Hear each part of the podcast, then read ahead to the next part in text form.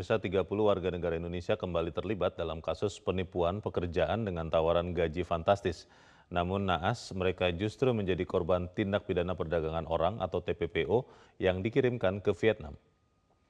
30 warga negara Indonesia yang terindikasi menjadi korban tindak pidana perdagangan orang di Ho Chi Minh City ini terdiri dari 29 orang laki-laki dan satu perempuan.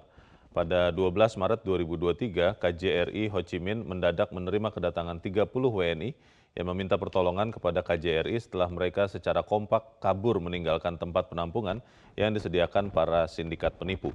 Seluruh 30 WNI datang ke KJRI tanpa satupun memiliki paspor maupun telepon genggam karena sejak kedatangan WNI di Ho Chi Minh City, oknum sindikat penipuan telah mengambil paspor dan telepon genggam mereka. Dengan adanya aduan ini, perwakilan RI di Vietnam didukung Direktorat Perlindungan WNI serta Bares Krim Polri cepat tanggap dalam merespons dan segera menangani kasus itu. Berdasarkan informasi dari otoritas setempat, kasus ini merupakan kasus pertama yang melibatkan korban WNI dengan jumlah besar di Vietnam. Setelah proses verifikasi dokumen dan izin dari otoritas Vietnam, ke-30 WNI korban TPPO ini berhasil dipulangkan pada 2 April 2023 Selanjutnya mereka akan menjalani proses rehabilitasi dan psikokonseling di Rumah Pemulihan Trauma Center di Bambu Apus, Jakarta. Dan pertanggal 10 April lalu, ke-30 WNI korban TPPO ini telah tiba dengan selamat di tempat asal mereka masing-masing. Aksi penyerangan orang oleh orang tak dikenal terjadi di titik yang berada di kota Makassar. Pelaku tidak hanya menyerang dua pos polisi, pelaku juga membakar dua unit motor dinas polisi dan melukai satu orang warga. Aksi teror oleh orang tak dikenal terjadi di kota Makassar, Sulawesi Selatan. Satu pos polisi dibakar dan satu lainnya dirusak. Selain itu, kantor polisi Polres Pelabuhan Makassar juga mendapatkan teror serupa. Pelaku yang mengetahui identitasnya itu juga merusak beberapa fasilitas Polres berupa kendaraan dinas. Kejadian ini diperkirakan terjadi pada tengah malam dalam waktu yang hampir bersamaan. Di tengah aksi teror penyerangan, pihak kepolisian sempat memberikan perlawanan dengan cara menembakkan gas air mata. Sebelum akhirnya OTK terduga pelaku teror penyerangan di kantor polisi Polres Pelabuhan kabur. Hingga saat ini situasi di sekitar Polres Pelabuhan Makassar telah kondusif setelah sebelumnya sempat mencekam beberapa saat. Polisi pun masih berjaga di depan Polres. Kementerian Perhubungan memprediksi akan ada lebih banyak pemudik tahun ini. Dari 80 juta pemudik tahun 2022 lalu, naik 44 persen menjadi 123 juta pemudik di lebaran tahun ini. Puncak mudik diperkirakan akan terjadi mulai H-3 lebaran, tanggal 19 April hingga 21 April. Peningkatan jumlah pemudik tahun ini akan terjadi pada berbagai moda transportasi. Dari data Kementerian Perhubungan, warga Indonesia yang akan melakukan perjalanan mudik mencapai 123,8 juta orang, naik 44 persen dari tahun 2022.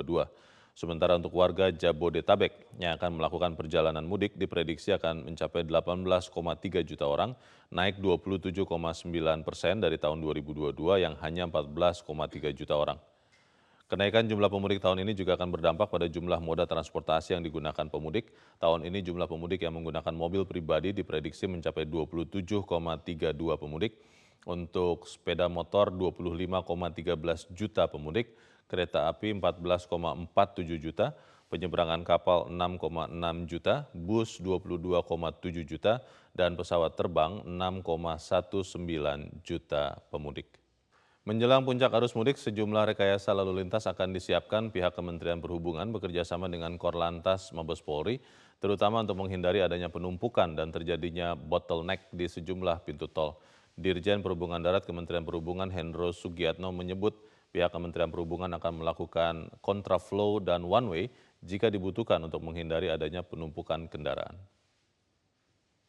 Ya, strateginya agar tidak terjadi bottleneck, nanti di kilometer 42 sampai kilometer 72 ke arah Cipali untuk tol Cikampek itu konsepnya adalah kontraflow, tapi tidak semua, tidak semua lajur. Dan eh, nanti ketika masuk ke Cipali di Cipali di kilometer 72 sampai kilometer 414 kali kangkung itu konsepnya one way jadi eh,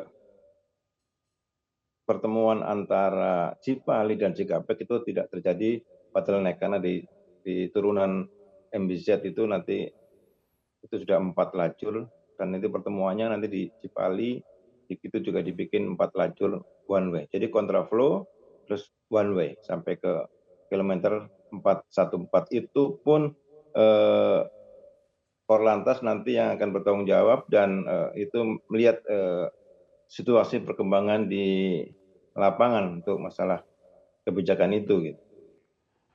Anggota Komisi 3 DPR, Habibur Rahman menyinggung ketegasan aparat kepolisian dalam menangani kasus pidana perdagangan orang langsung ke Kapolri Listio Sigit Prabowo. Merespons hal ini, Kapolri berkomitmen menindak tegas dalam aksi kriminal ini meski pelakunya berasal dari jajarannya. Ketiga Pak Kapolri, saya meminta Pak Kapolri memberi perhatian yang cukup serius terhadap kasus-kasus tindak pidana perdagangan orang. Kita kemarin dihubungi oleh pihak dari Romo Pascal Pak yang di uh, Kepulauan Riau tersebut. Beliau melakukan investigasi, membongkar uh, kasus yang disebut TPPO, ya Kemudian dia beliau sempat dilaporkan walaupun dicabut, tapi kita ingin bukan hanya soal kasus yang apa pelaporan terhadap Romo Pascal yang memang ditindaklanjuti dihentikan, tetapi kasus yang dia bongkar, kasus TPPO-nya supaya bisa diusut secara tuntas dan siapa pun yang terlibat harus dimintai pertanggungjawabannya. Mungkin itu saja singkat saja. Terima kasih. Bila taufiq wal hidayah. Wassalamualaikum warahmatullahi wabarakatuh. TPPO yang tadi menjadi atensi dari Bapak Habibur Rahman. Terima kasih Pak. Uh, prinsipnya apa yang disampaikan oleh Romo Pascal itu tentunya menjadi perhatian kami dan kami memang melihat bahwa tindak pidana terkait dengan TPPO ini memang terjadi Pak. Dan ini juga melibatkan beberapa oknum yang ada di uh, beberapa kelembagaan Eh, kami akan tidak tegas Pak, bahkan kalau anggotanya juga menyangkut dari personal Polri tentu kami tidak akan pernah ragu-ragu, demikian juga apabila nanti dari tempat lain kami juga akan proses tegas. Yang jelas apa yang disampaikan oleh Romo Pascal itu merupakan uh, ungkapan dari beliau terkait dengan masalah TPPO yang terjadi. Dan kami Polri uh, memperhatikan dan atensi terhadap Eh, apa yang menjadi seruan beliau. Kemudian untuk hal lain eh, kami akan laksanakan. Pemirsa PT Angkasa Pura Persero memprediksi 3,9 juta orang akan mudik dengan pesawat melalui 15 bandara kelolaan mereka pada tahun ini. Prediksi itu disampaikan oleh Direktur Utama PT Angkasa Pura I, Faik Fahmi. Ia mengatakan jumlah pemudik tahun ini naik 34 persen dibandingkan dengan tahun 2022 yang hanya 2,9 juta penumpang.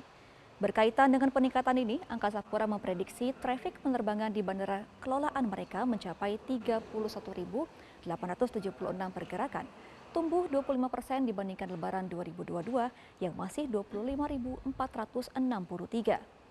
Pada arus mudik lebaran tahun ini, terjadi kelonggaran aturan terkait protokol kesehatan COVID-19, terutama pada sektor penerbangan. Hal ini akan berpengaruh terhadap peningkatan aktivitas penumpang di sejumlah bandara. Nah pemirsa, atas prediksi lonjakan jumlah pemudik dengan moda transportasi udara, PT Angkasa Pura akan mengaktifkan kembali posko pengamanan pelayanan terpadu bagi penumpang angkutan mudik lebaran mulai hari ini di Bandara Soekarno-Hatta, Tangerang, Banten. Tujuan dari pengaktifan posko ini guna memantau arus penumpang dan pergerakan pesawat serta informasi bagi masyarakat selama mudik lebaran. Sesuai arahan Kemenhub, posko lebaran mulai beroperasi pada hari ini, Jumat 14 April 2023.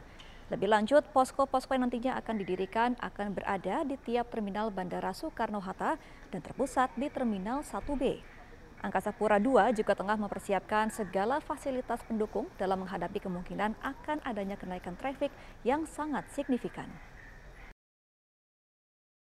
Kemenhub pada tahun ini akan mendiskon tarif tol sebesar 20 persen. Menteri PUPR Basuki Hadi Mulyono kembali menegaskan keputusan pemerintah untuk memberi potongan tarif tol bagi pemudik yang melintas di jalur Trans Jawa Bakauheni hingga sebagian jalur Sumatera seperti rute Binjai Medan. Namun potongan harga ini baru akan diberikan dua hari sebelum dan sesudah cuti bersama lebaran yang ditetapkan pemerintah. Untuk diketahui pemerintah telah menetapkan jadwal cuti bersama yang dimulai pada 19 hingga 25 April 2023. Adapun pemberian diskon ini ditujukan agar penumpukan kendaraan di masa arus mudik dan balik tidak terjadi. Selain memberikan diskon guna mengantisipasi terjadinya kemacetan saat arus mudik, pemerintah juga telah menyiapkan sejumlah strategi seperti melebarkan jalur tol Jakarta Cikampek setelah ruas tol layang Muhammad bin Zaid menjadi empat lajur untuk menghindari bottleneck hingga pelebaran jalan menjadi tiga ruas di setiap rest area di tol Cipali. Kemudian menambah jumlah rest area di kilometer 81A dan B ruas tol Cipali serta mengoperasikan ruas tol fungsional seperti di Japek Selatan 2 dari Sadang sampai ke Taman Mekar, ruas di tol Solo Yogyakarta dan juga jalan tol Indralaya Prabu Mulih. Pengoperasian jalan tol fungsional ini diharapkan dapat mendukung kelancaran arus mudik di tahun ini.